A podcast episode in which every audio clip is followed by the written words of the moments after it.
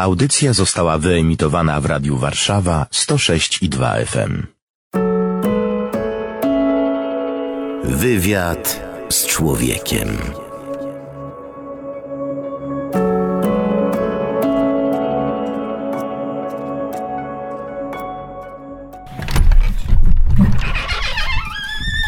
A psy gdzie łażą? A psy zaraz przyjdą. W ogóle koty wrócę na górę i psy przyprowadzę. O tak. A kot wie co dobre.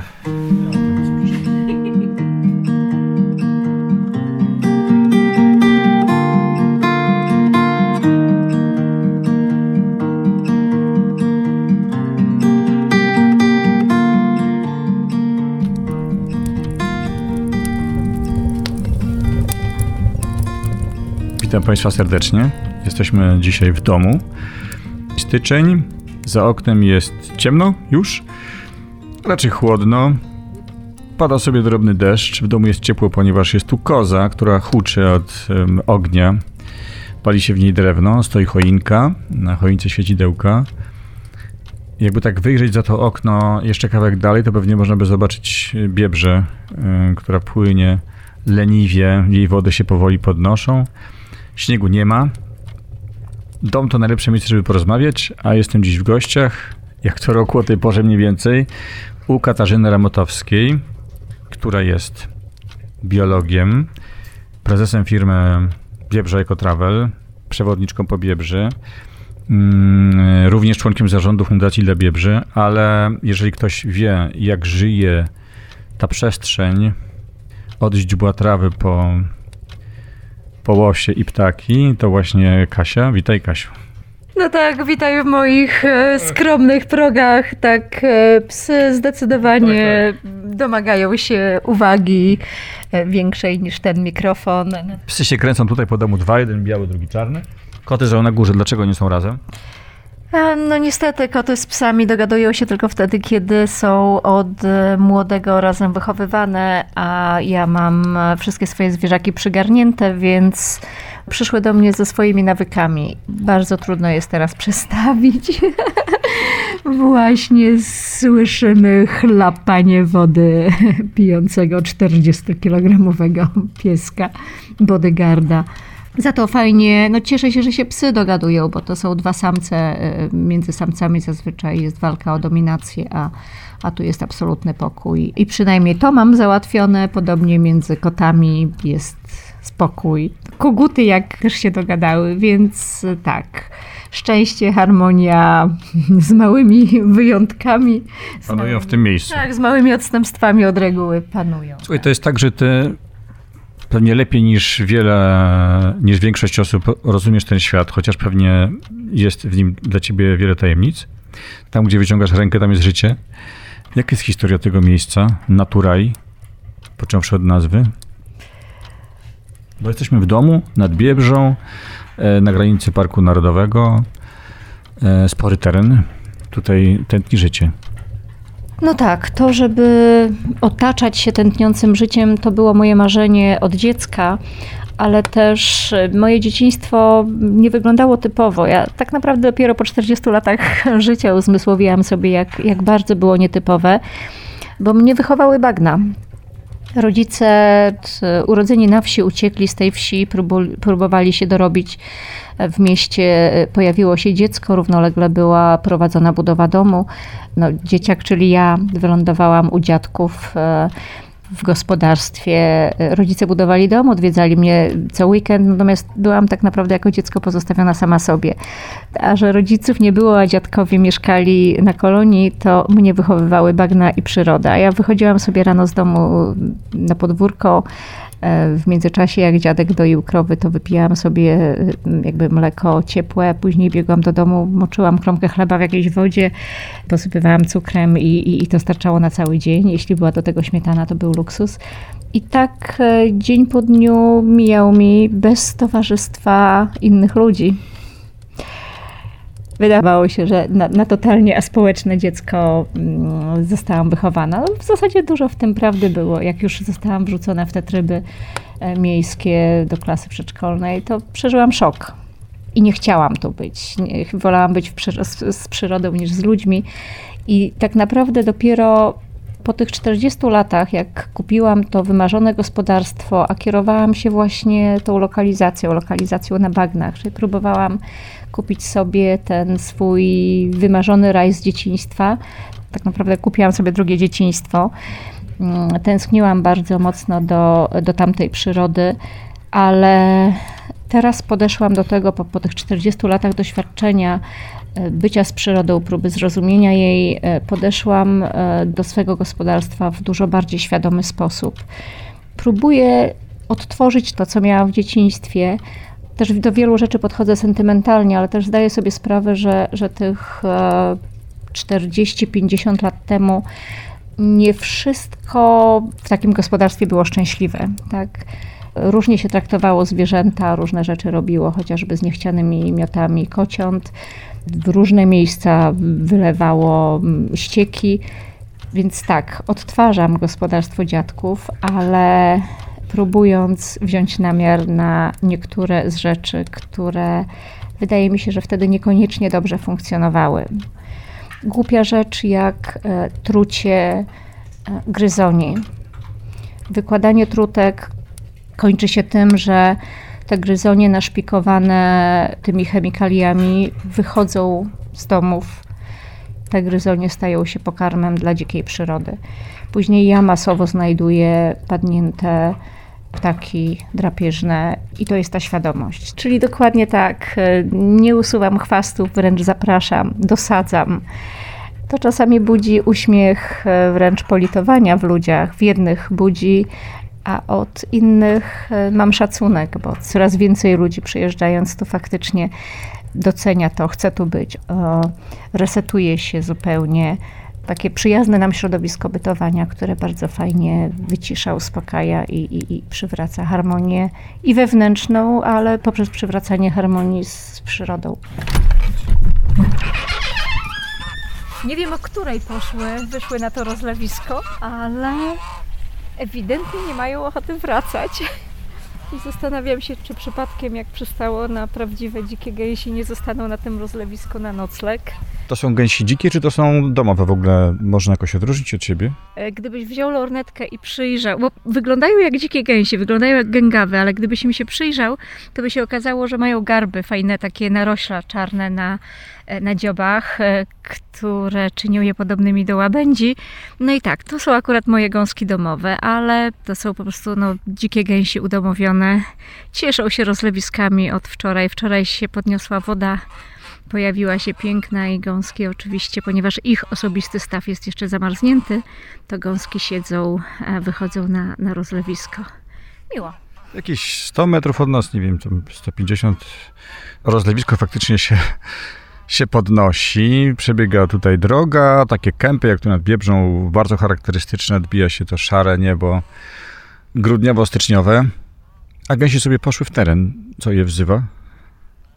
Zdecydowanie słyszą e, dzikie gęsi lecące.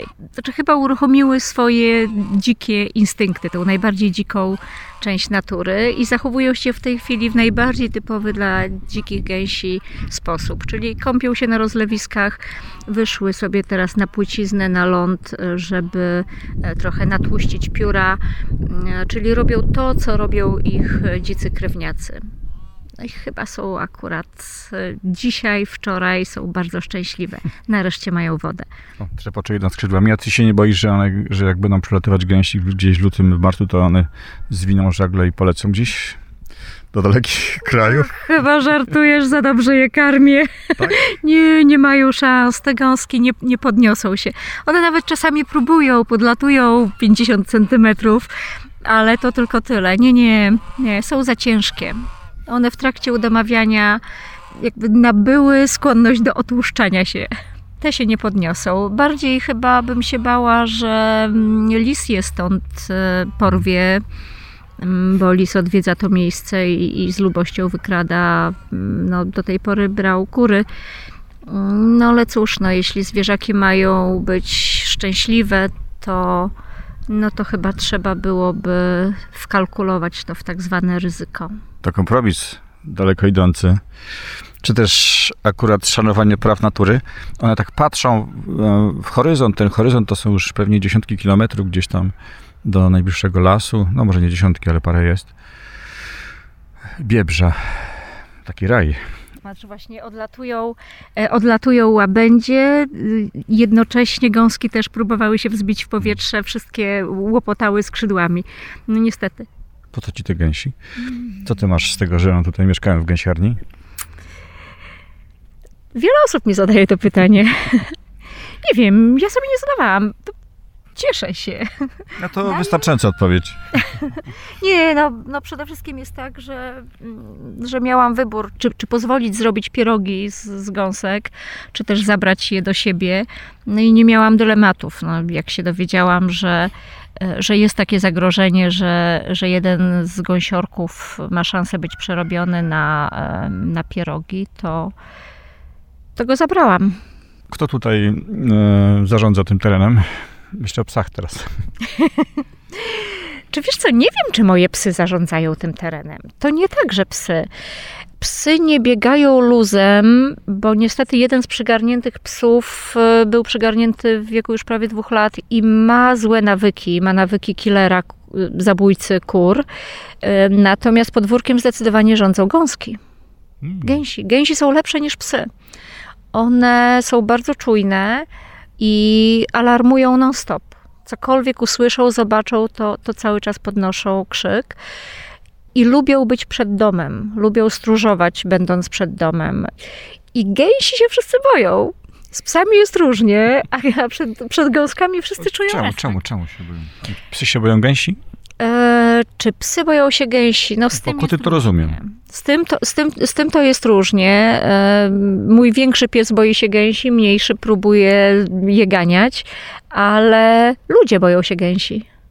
Ja pamiętam, że biegłam zawsze na bosaka do rodziców. E, Im szybciej ja biegłam, tym szybciej biegł gąsior i mnie dziobał za, za, za bose stopy, za, za pięty łapał. I, I troszeczkę mi to zostało. Zawsze jak słyszę za sobą takie człap, człap, człap, człap, człap, to wiem, że biegnie za mną gąsior. Niestety nie potrafię nie odwrócić się, bo to jest taki gest obronny, nie? Nie potrafię zostawić mu pełnego pola y, swobody w wyborze, czy mnie dziobnąć, czy nie dziobnąć nawet teraz.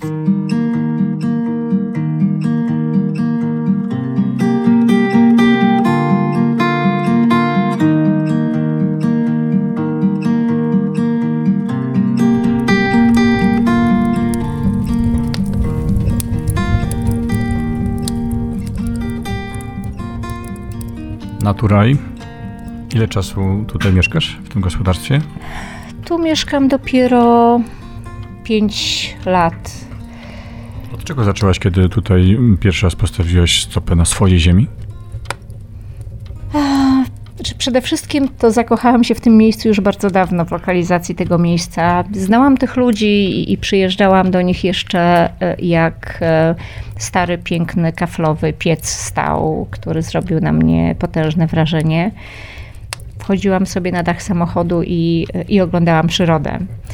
E, To było takie moje miejsce, które ze strony przyrodniczej bardzo mnie cieszyło. Jedyna rzecz, która mnie drażniła, to wbrew pozorom był właśnie ten murowany dom. Bo ja, się, ja spędziłam dzieciństwo w drewnianym domu i, jak zaczęłam e, jakby odtwarzać to całe gospodarstwo, dokładnie w takim e, stylu, w jakim było to u dziadków, i pierwsze lata w zasadzie bycia tutaj poświęciłam na, na zapraszanie dzikiej przyrody do siebie. A z domem wyszło spontanicznie, bo któregoś razu nareszcie przyjechali energetycy podłączyć prąd. Było to jakoś w październiku wieczorem, było ciemno i raptem rozbłysły światła w domu. Ja wtedy jeszcze mieszkałam w bloku i w ogóle nawet po głowie mi nie chodziło, żeby się tutaj przeprowadzić. Jak dom rozbłysł światłami, to ja wiedziałam już, że stąd tego dnia ani nigdy więcej nie wyjadę. I zostałam, tak jak stałam, zostałam z tym, co, z czym przyjechałam, z jakimś e, jednym polarem. Szczerze mówiąc, ja do tej pory nie pozwoziłam rzeczy, ale widocznie ich nie potrzebuję do szczęścia, skoro tyle czasu ich nie potrzebowałam.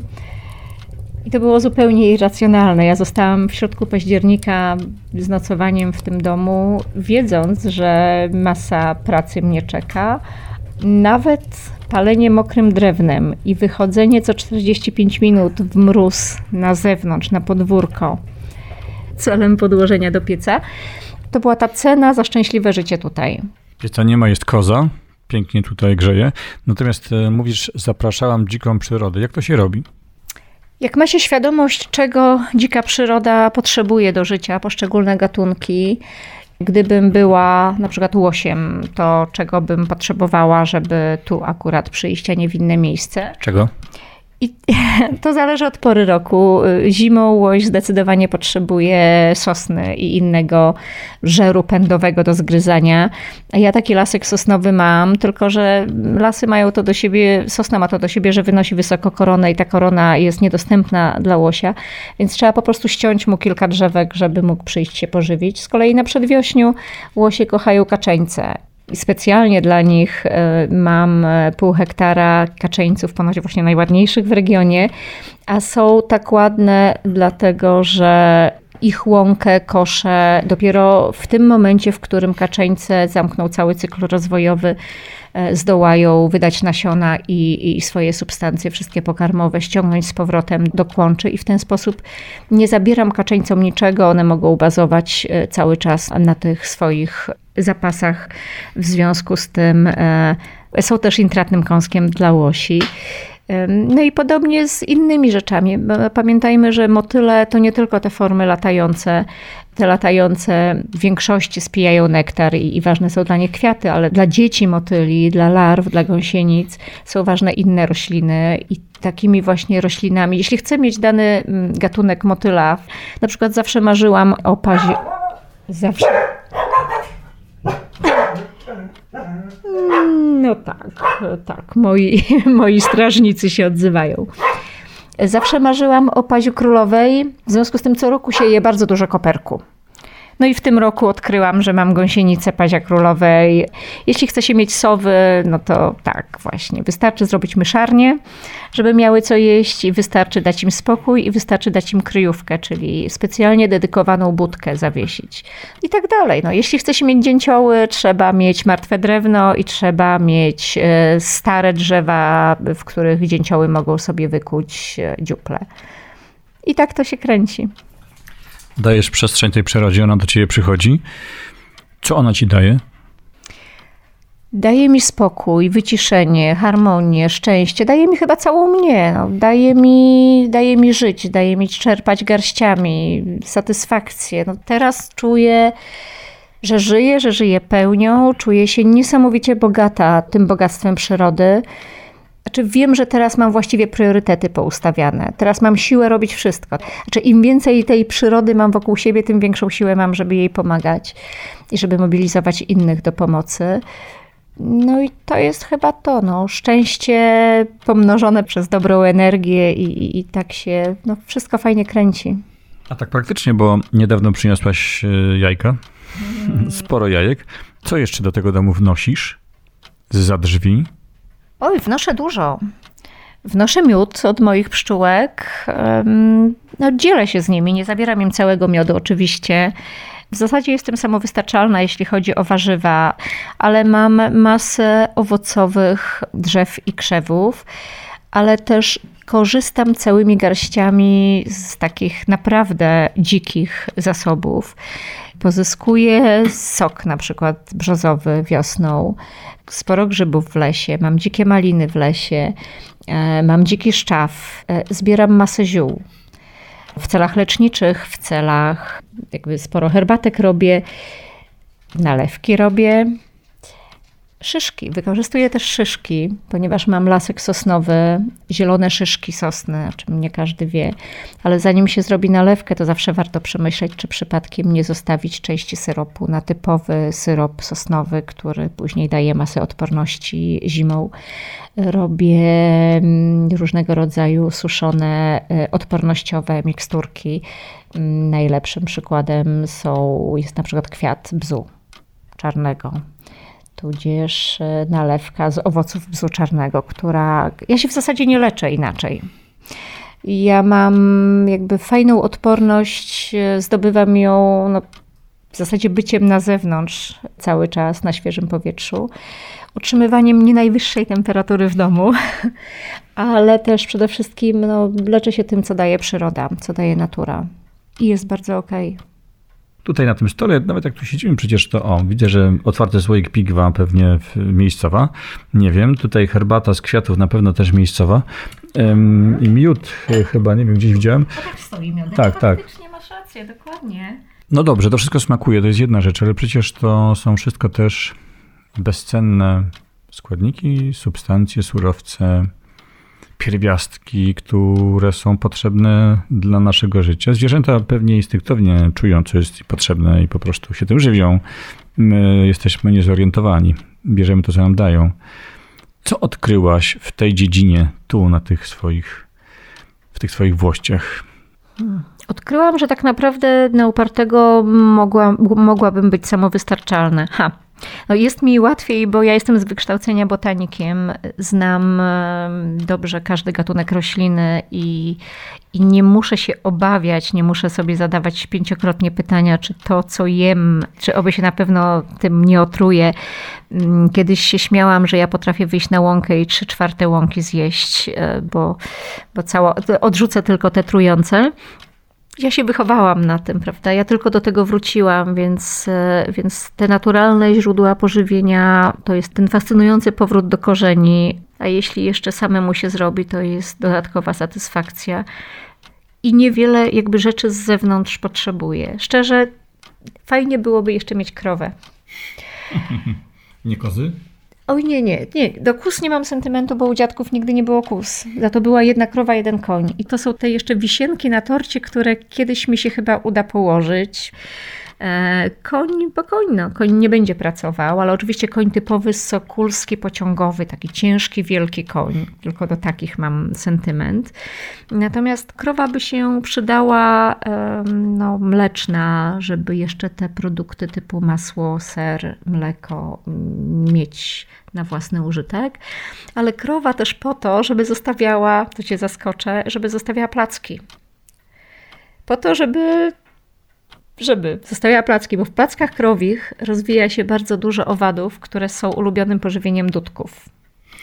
A dudek to jest ten ptak, którego kocham, e, miewam na swoim podwórku, ale chciałabym go po prostu tutaj częściej miewać. Znaczy, dudek w końcu się wprowadzi, bo, bo w okresie godowym e, ogląda mm, jakby wszystkie szczeliny, pęknięcia w drzewach, budki lęgowe, zagląda, sprawdza i nawołuje samicę. To jest tylko taka kwestia, żeby przyleciała jeszcze do tego samca samiczka, która by powiedziała: OK, to jest to, co chcę mieć.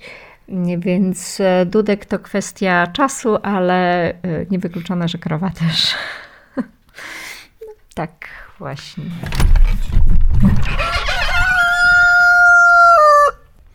Pieje cały czas kogut, alarmuje. My wchodzimy przez taką dużą bramę, ona jest otwarta. To właśnie tą bramą i każdą częścią tego mm, siedliska tutaj wchodzi przyroda.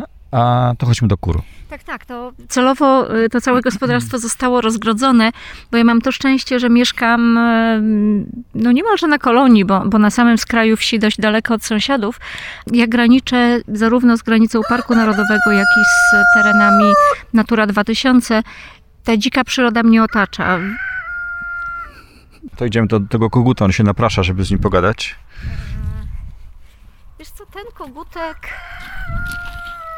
Ten kogutek zrobił się odważny, bo jest bardzo daleko od kurnika, od szefa e, kurnika. Tak, no dwie kurki udało mu się przygruchać. E, to też jest coś. E, dwie, dwie kurki spośród 70. Troszkę- Masz 70 kur. Ta, znaczy, szczerze, nie wiem ile mam teraz, bo nie wiem ile e, kurek zdołał mi porwać lis, ile wyniosła samica jastrzębia, ale tak, miesiąc temu było 70. Dokładnie. No tak, bo teren jest nieogrodzony.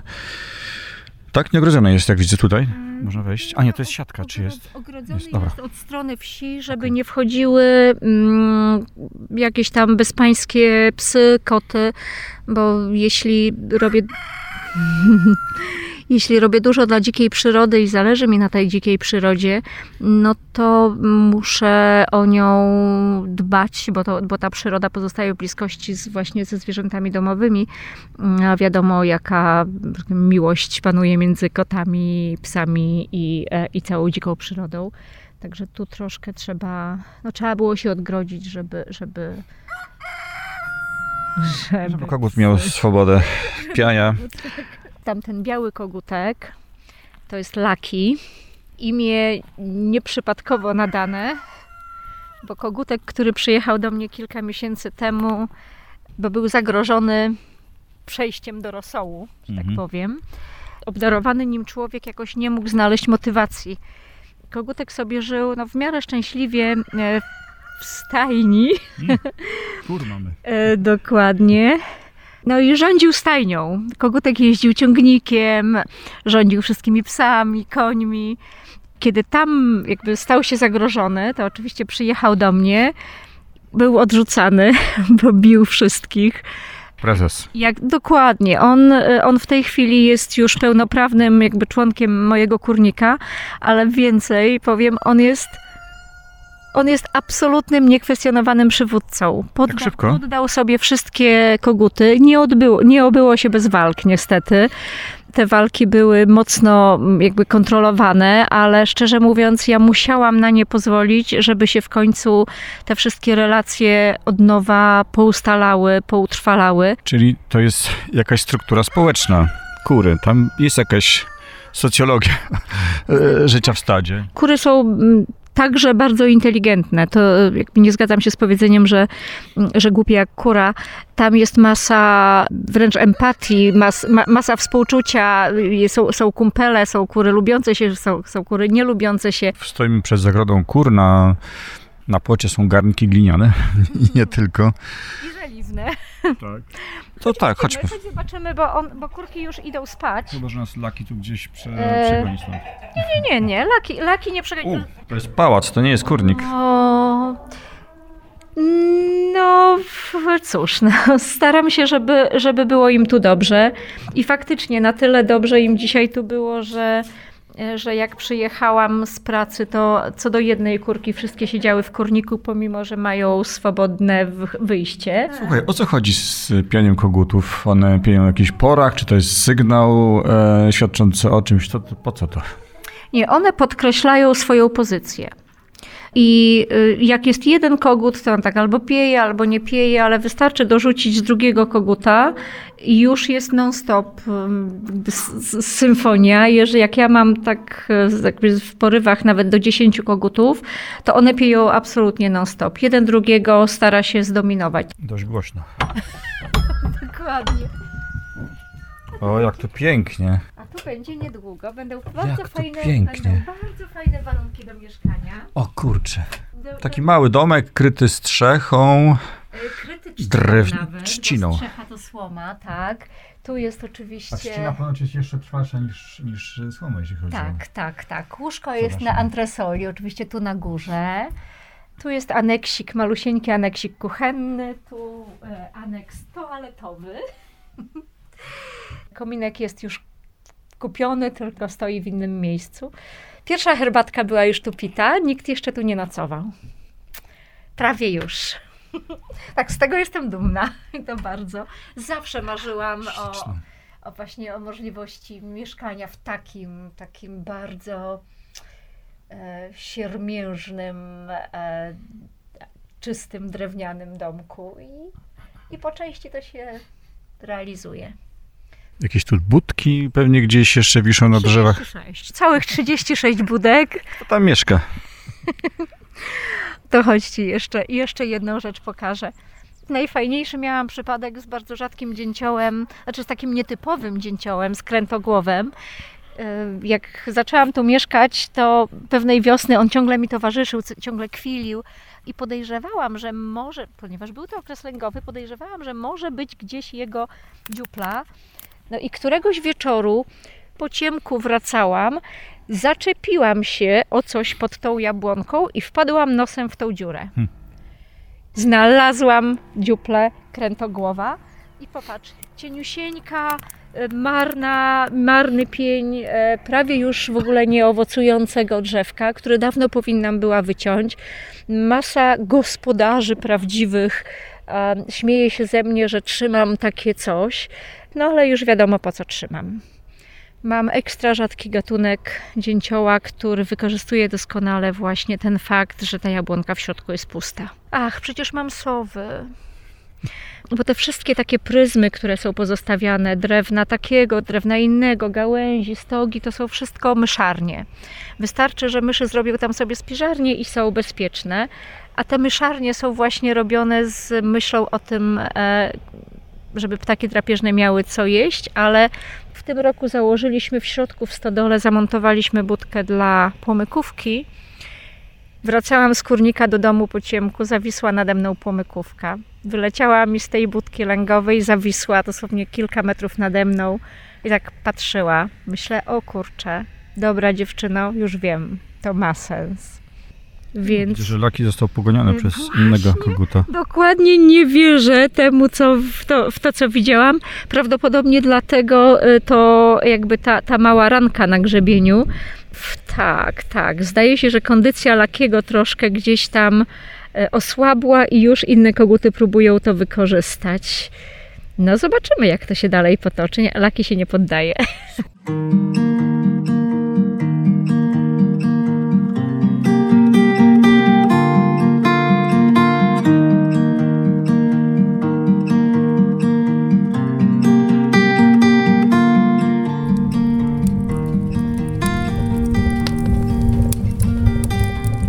Słuchaj, teraz może trochę filozoficznie, ale tak się nad tym zastanawiam. Człowiek wyszedł z tej rzeki, którą jest natura, która jest wzajemnie uwarunkowana jakimiś miliardami różnych połączeń, tworzy ekosystemy. Myśmy z tej rzeki wyszli w jakimś momencie. Pewnie teraz w wielu przypadkach stoimy do niej plecami, nie widzimy jej, przestajemy ją rozumieć, ona gdzieś płynie, gdzieś szumi, ale nie wiadomo co. Mm, Żyjąc w miastach, kupując przetworzone wysoce produkty, tracimy łączność. Co tracimy, kiedy do tej rzeki się odwracamy plecami? Zegar akurat wybija godzinę 17. Wybija kres cywilizacji. No tak, coś w tym jest. Dokładnie. Niech sobie wybije. Zegar się wyciszył. To nawet to zjawisko zostało już nawet zdefiniowane. To się nazywa syndrom deficytu przyrody. Człowiek wychowywany w, izolacji od przyrody, od tych doświadczeń, zaczyna się borykać z tymi wszystkimi naszymi cywilizacyjnymi chorobami, głównie e, no, nie ma co ukrywać chorobami psychicznymi. Ale ten, kto nie doświadczył tego bliskiego kontaktu z przyrodą, nie wie, co stracił. Tacy ludzie nie wiedzą. A to jest tak naprawdę. Hmm, no dla mnie to jest jakby istota całego człowieczeństwa. Bycia sobą. Nie wiem, to chyba za głębokie pytanie, wiesz? E, Nie potrafię tego tak jakoś króciutko, zgrabnie ująć. Słuchaj, to inaczej. To co zyskują ci, którzy do ciebie przyjeżdżają i których ty wprowadzasz w ten świat, bo widzisz ich zmieniających się. Tak, niesamowite rzeczy dzieją się z ludźmi, którzy, którzy tu przyjeżdżają. Nawet ci, mm, a może właśnie szczególnie ci z tej betonozy miejskiej, e, ludzie wrzuceni w tak odmienny świat e, reagują, jak tu jest fajnie. Nie wiem, czy zadają sobie pytania dlaczego, czy rozbierają to na, na, na te czynniki pierwsze, ale to totalnie jakby otwiera, to momentalnie otwiera ludzi, czy otwierając na przyrodę podświadomie, otwiera, wydobywa same najlepsze pokłady z, z głębi takich ludzi. Mam wrażenie, że mm, to działa tak bardzo oczyszczająco. Tu się odbyło tyle niesamowitych, e, no właśnie, oczyszczeń wewnętrznych. Ludzie przyjeżdżają tu, żeby totalnie się zresetować, coś przemyśleć, do czegoś wrócić, zdobyć się na absolutnie pełną szczerość, Ja wśród ludzi będących tu nie widziałam żadnej, żadnej hipokryzji, żadnej agresji, żadnego hejtu. To jest fenomen. Ja, ja to dopiero zaczynam, e, jakby zaczynam odkrywać. Być może jest to takie sito selekcyjne, które ja niechcący narzuciłam i tylko tacy ludzie tu przyjeżdżają. Ale nawet jeśli przyjeżdżają ludzie z głębokimi problemami, a, a często przyjeżdżają, to te problemy tu się pięknie rozwiązują. Jakieś e, rozmowy z innymi dobrymi duszami, z, właśnie z tą całą pozytywną energią, i się okazuje, że problem przestaje być problemem, że wszystko się porozwiązywało, że samo dobro otacza i to się jakby samo dobro się dzieje. Ja jeszcze nie rozebrałam tego na czynniki pierwsze. Nie wiem. To po prostu się dzieje. Niesamowici ludzie się spotykają, poznają, różne, w różne związki wchodzą. Teraz dostaję informacje zwrotne, że to są szczęśliwe jakieś spotkania. No dobrze, niech się dzieje. No. Jeśli dobro ma się dziać, to, to czemu nie? No. Jesteś też świetnym fotografem. Twoje zdjęcia są w różnych publikacjach, kalendarzach na Facebooku w dużej mierze. To nie są tylko zdjęcia dzikiej przyrody, bo pamiętam chyba zdjęcia kogutów. Okazało się, że, że ludzie, no szczególnie mieszkający w blokach, mają naprawdę mały, niski kontakt ze zwierzakami domowymi i, i potrafi ich cieszyć nagranie tak, czy pijącego koguta, czy, czy odgłosy e, właśnie gęsi i, i, i wszystkie akcje i interakcje między tymi zwierzakami. Tak, e, nie tylko robię zdjęcia dzikiej przyrodzie, ale też e, uwieczniam fajne scenki życia naturaja, to prawda. Jak można je znaleźć? Ja niewiele czasu mogę poświęcić na publikowanie tego, więc jedyny sposób e, to wejść e, na mój facebookowy profil Katarzyna Ramotowska. Tam, e, tam znajdziecie Naturaja, tam znajdziecie dziką przyrodę Biebrzy i masę historii mm, z, z tym związanych. Mówimy w tym roku akurat o, o Naturaju, mówię w tym roku, ponieważ to chyba czwarta czy piąta audycja raz w roku taki zwyczaj noworoczny, ale mówiliśmy już o łosiach, o wilkach, e, o dzikiej przyrodzie, ptakach. Jesteś przewodniczką po Biebrzy. Kogo zapraszasz na wyprawy? Zdecydowanie wszystkich. Znaczy, za, zapraszam tych, którzy są otwarci na przyrodę, niekoniecznie mm, wiele wiedzący, bo od tego jestem ja, mm, od tego ludzie mają moje oczy z sobą. Ale tak, bardzo lubię, kocham e, ludzi, e, którzy są wrażliwi na przyrodę, a dalej już wszystko samo idzie. Pięć lat w tym miejscu, tu się bardzo dużo zmieniło to Pałac Niekurnik, Sowy, 36 budek dla ptaków, no i wiele innych tajemnic i cudów. Co chcesz jeszcze zrobić w tym miejscu? Zdecydowanie chciałabym jak najwięcej naturalnych materiałów wprowadzić. Nie lubię zalewania betonem, to, to usuwam. Troszkę mnie martwi mój murowany dom. E, na pewno chciałabym więcej gliny wprowadzić, trzciny i drewna i to zrobię, bo to gwarantuje zdrowie. To, to w ogóle przedłuża, badania naukowe udowodniły, że mieszkanie w drewnianym domu wydłuża życie, ponieważ wyrównuje mm, ciśnienie, rytm pracy serca i to jest już potwierdzone. Ludzi to mocno harmonizuje i wycisza bycie tutaj. I, i to jest chyba najważniejsze. Znaczy, zrobię wszystko, żeby, żeby ta przyroda była dla ludzi tutaj przyjeżdżających e, takim środkiem co leczniczym, przywracającym wewnętrzną harmonię. Tak, dokładnie. Tak, patrzę tutaj na te stoki siana, których już nie zobaczysz gdzie indziej. Widzisz takie role zwinięte, owinięte białym jakąś folią, a tutaj stoją jak, jak za remonta po prostu z chłopów. Tak, tak. To jest ten element krajobrazu, do którego mi bardzo tęskno, bo bo, bo to było na porządku dziennym jakieś tam 50 lat temu, jeszcze 60. Ale z drugiej strony mm, takie stogi są bardzo fajną kryjówką, czatownią dla ptaków drapieżnych, ale też miejscem e, życia mm, dla drobnych ssaków bez kręgowców, no to na pewno mm, te stogi e, przyczyniają się do bioróżnorodności na, na tej łące. A ta łąka to w ogóle jest łąka kwiatowa. Ona w tej chwili jest skoszona, bo ja ją koszę raz w roku we wrześniu, jak już e, no, wszystkie ptaki wyprowadzą lęgi i, i wszystkie kwiaty wydadzą nasiona. Mm, Przez całe lato kwitnie tu hektar kwietnej łąki, która służy głównie motylom i pszczołom. Pszczoły sobie w tej chwili, że tak powiem, wesoło chrapią, bo, Mm. bo jest środek zimy. Obrzękując skrzydełkami. Dokładnie. Mm, tak ogrodzona jakaś roślinność nieskoszona. E, takie stają czarne łodygi. Czemu nieskoszona? Co to? Po części jest to nieskoszone, dlatego że, że rosną tu drzewka owocowe, które mają być e, głównie taką remizą dla ptaków dzikich, czyli tych jabłek e, nie, nie zbieram, one mają długo wisieć i, i stanowić pożywienie, ale też e, jakby jak się kosi łąkę, no ja w tym roku miałam wspaniałą sytuację, bo mm, w momencie, kiedy kosiłam, usiadła mi na, na głowie modliszka.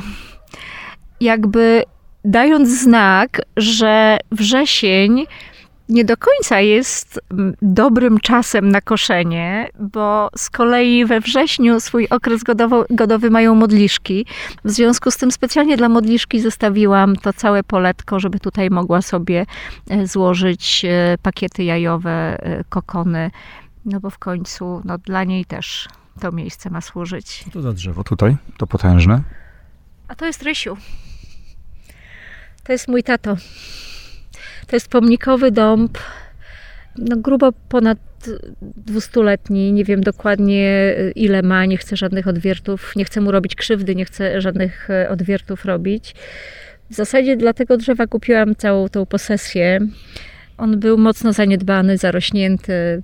No jako wyciągnęłam z tego wszystkiego. Ma przepiękną energię. Zresztą wystarczy spojrzeć na to, co rośnie, albo raczej to, co nie rośnie pod drzewem. Na przykład ta część ogrodu mojego warzywnego, której, która jest w zasięgu dęba, w ogóle nie ma szansy. Tam nic nie rośnie. Po prostu dąb tutaj rządzi. Dąb wiosną oczywiście e, się zazieleni, potem urosną żołędzie, one spadną, wiewiórki będą hasać i gdzieś tam chować po kątach. E, Ptaki mieszkają w jego koronie. To jest taki raj. To wszystko ze sobą współpracuje, żyje, tętni biliony lat. A my tak przystanęliśmy i sobie patrzymy. Tak, no patrząc właśnie z tej perspektywy, człowiek nie powinien sobie uzurpować prawa do niczego, no tym bardziej prawa do ziemi, tak? Jest- Ziemi jest- przez duże Z. Bez głupim gapą.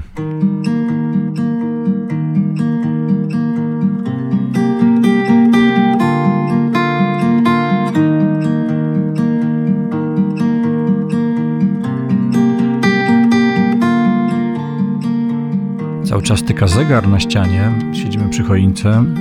Huczy, już mniej huczy, bo się lekko drewno wy- wypaliło.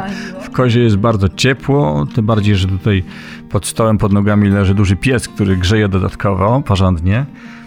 E, Myślę sobie o tym, że ten zegar tykający nie powoduje stresu, bo w mieście on tyka tak samo, ale za oknem wszystko gdzieś pędzi i panuje jakaś też niesłychana konkurencja, może jakaś walka czy spór pewnego rodzaju wiadomości przynoszą też dużo stresu, a tutaj za oknem nikt nigdzie nie goni, panuje harmonia. Gdy, gdyby były trawy bujające się na wietrze, to one by szeptały swoją pieśń, którą szepczą od miliona lat. To jest spokój. To jest jakaś tajemnica. Na czym to polega? No, tą tajemnicę trzeba byłoby jednak rozebrać na, na czynniki pierwsze, tak żeby zdać sobie sprawę, jak to się dzieje, dlaczego tak się dzieje. Ale no, choćby dzisiaj, będąc w terenie, ktoś do mnie mówi: Wow, ale ja tu odpoczywam. Patrzę na tą otwartą przestrzeń i tu odpoczywam. Ja mówię: Ale wiesz dlaczego? Gdybyś patrzył na równo ciętą linię lasu, to byś tak nie odpoczywał. Ta nieregularna linia lasu, horyzontu jest tym, co daje tobie, twoim myślom swobodnie biec. Nie, te myśli nie zderzają się ze ścianą, prostą linią. I, I tak można byłoby szukać. Chociażby kwestia mm, zaśmiecenia mm, światłem czy hałasem. Myśmy do tego nawykli, myśmy na to, my na to nie zwracamy uwagi, Zresztą, przecież jak bardzo ptaki to niepokoi. Okazało się, że ptaki bytujące w środowisku miejskim są zmuszone do dwa razy głośniejszego śpiewania, żeby przekrzyczeć e, ten cały hałas. No i to jest chyba ta cała tajemnica. Ona, jak się rozbierze ją na czynniki pierwsze, to, to przestanie być aż tak bardzo tajemnicza, ale, ale to da się powiedzieć dlaczego. Ja jeszcze to zrobię, to kiedyś porozbieram. Mam nadzieję, że będziemy się dzielić tą tajemnicą, a ty się dzielisz nią cały czas.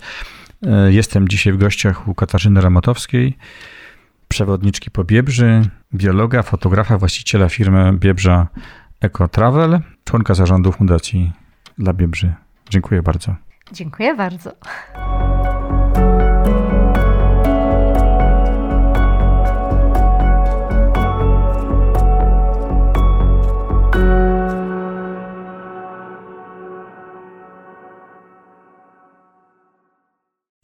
Radio Warszawa nagrywa i udostępnia nieodpłatnie audycje takie jak ta.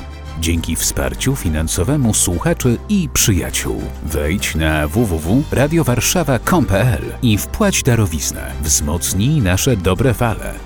Dziękujemy.